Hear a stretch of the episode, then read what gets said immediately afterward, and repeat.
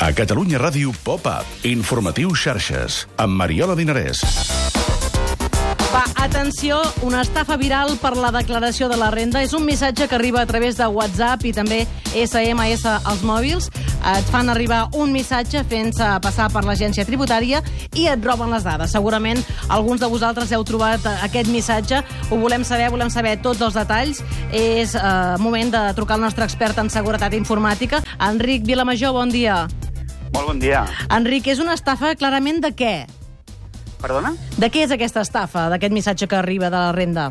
Ah, bueno, doncs eh, aquest és l'últim l'última moda, per dir-ho d'alguna manera, eh, i el que fan és eh, simular els programes que envia Hisenda per eh, recabar dades particulars, privades, i fer-ne ús per, per temes de phishing o per temes de copiar targetes de, de crèdit, etc. Diríem que les estafes estan abandonant el mail i passen a aplicacions de mòbil, ara? Sí, sí, sí.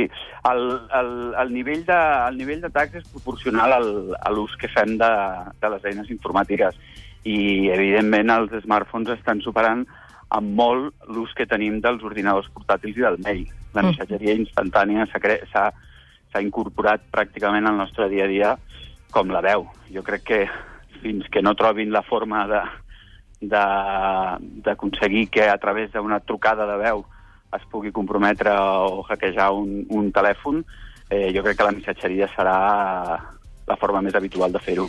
D'on treuen els telèfons els estafadors? Què creus?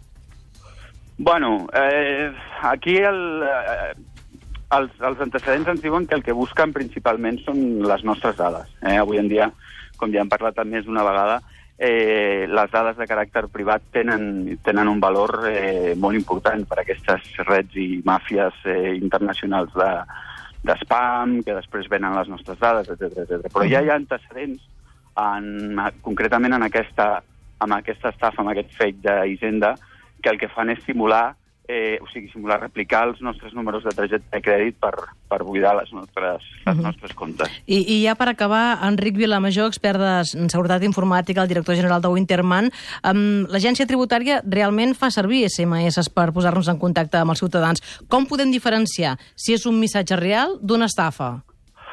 Eh, principalment perquè, d'entrada, la majoria de missatges que estem rebent és eh, per baixar-nos al programa Padre, cosa que aquest any el programa Padre ja no és hàbil a Hisenda, ja, ja, ja no existeix, amb la qual qualsevol missatge que rebem relacionat amb el programa Padre és fals.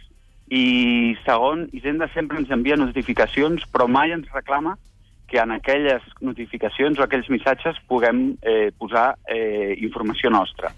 Per tant, sempre que algun missatge demana, demani que introduïm informació personal, dades personals, en el 99,9% dels casos és, és fals. D'acord, doncs... Ah, sí, sí, perdona. Digues, digues, digues.